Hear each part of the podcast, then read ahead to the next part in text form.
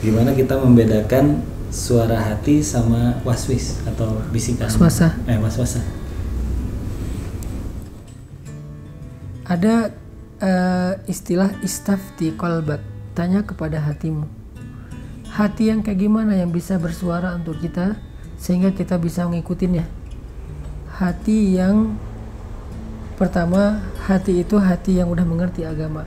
Karena pemahaman agama dalam Islam tempatnya bukan di sini dong, tapi di sini. Kata ulama al-fiqhu fiqhul qulub. Pemahaman itu pemahaman hati.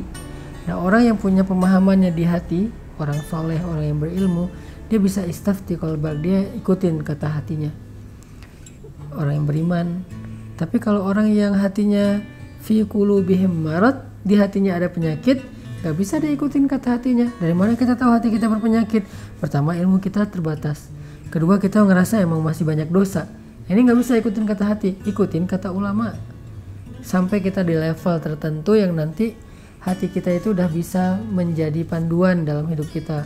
Ikutin dalam kondisi kayak gitu. Sahabat bisa istafti kolbak, tanya hatimu.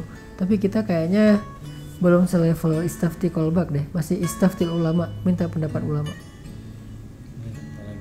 Galau banyak Iya, kalau kita ngikutin kata hati kita, ini kata hati saya loh, belum tentu. Kan banyak orang yang selama ini berbuat dosa juga, terus dia berdalih itu kata hatinya. hati.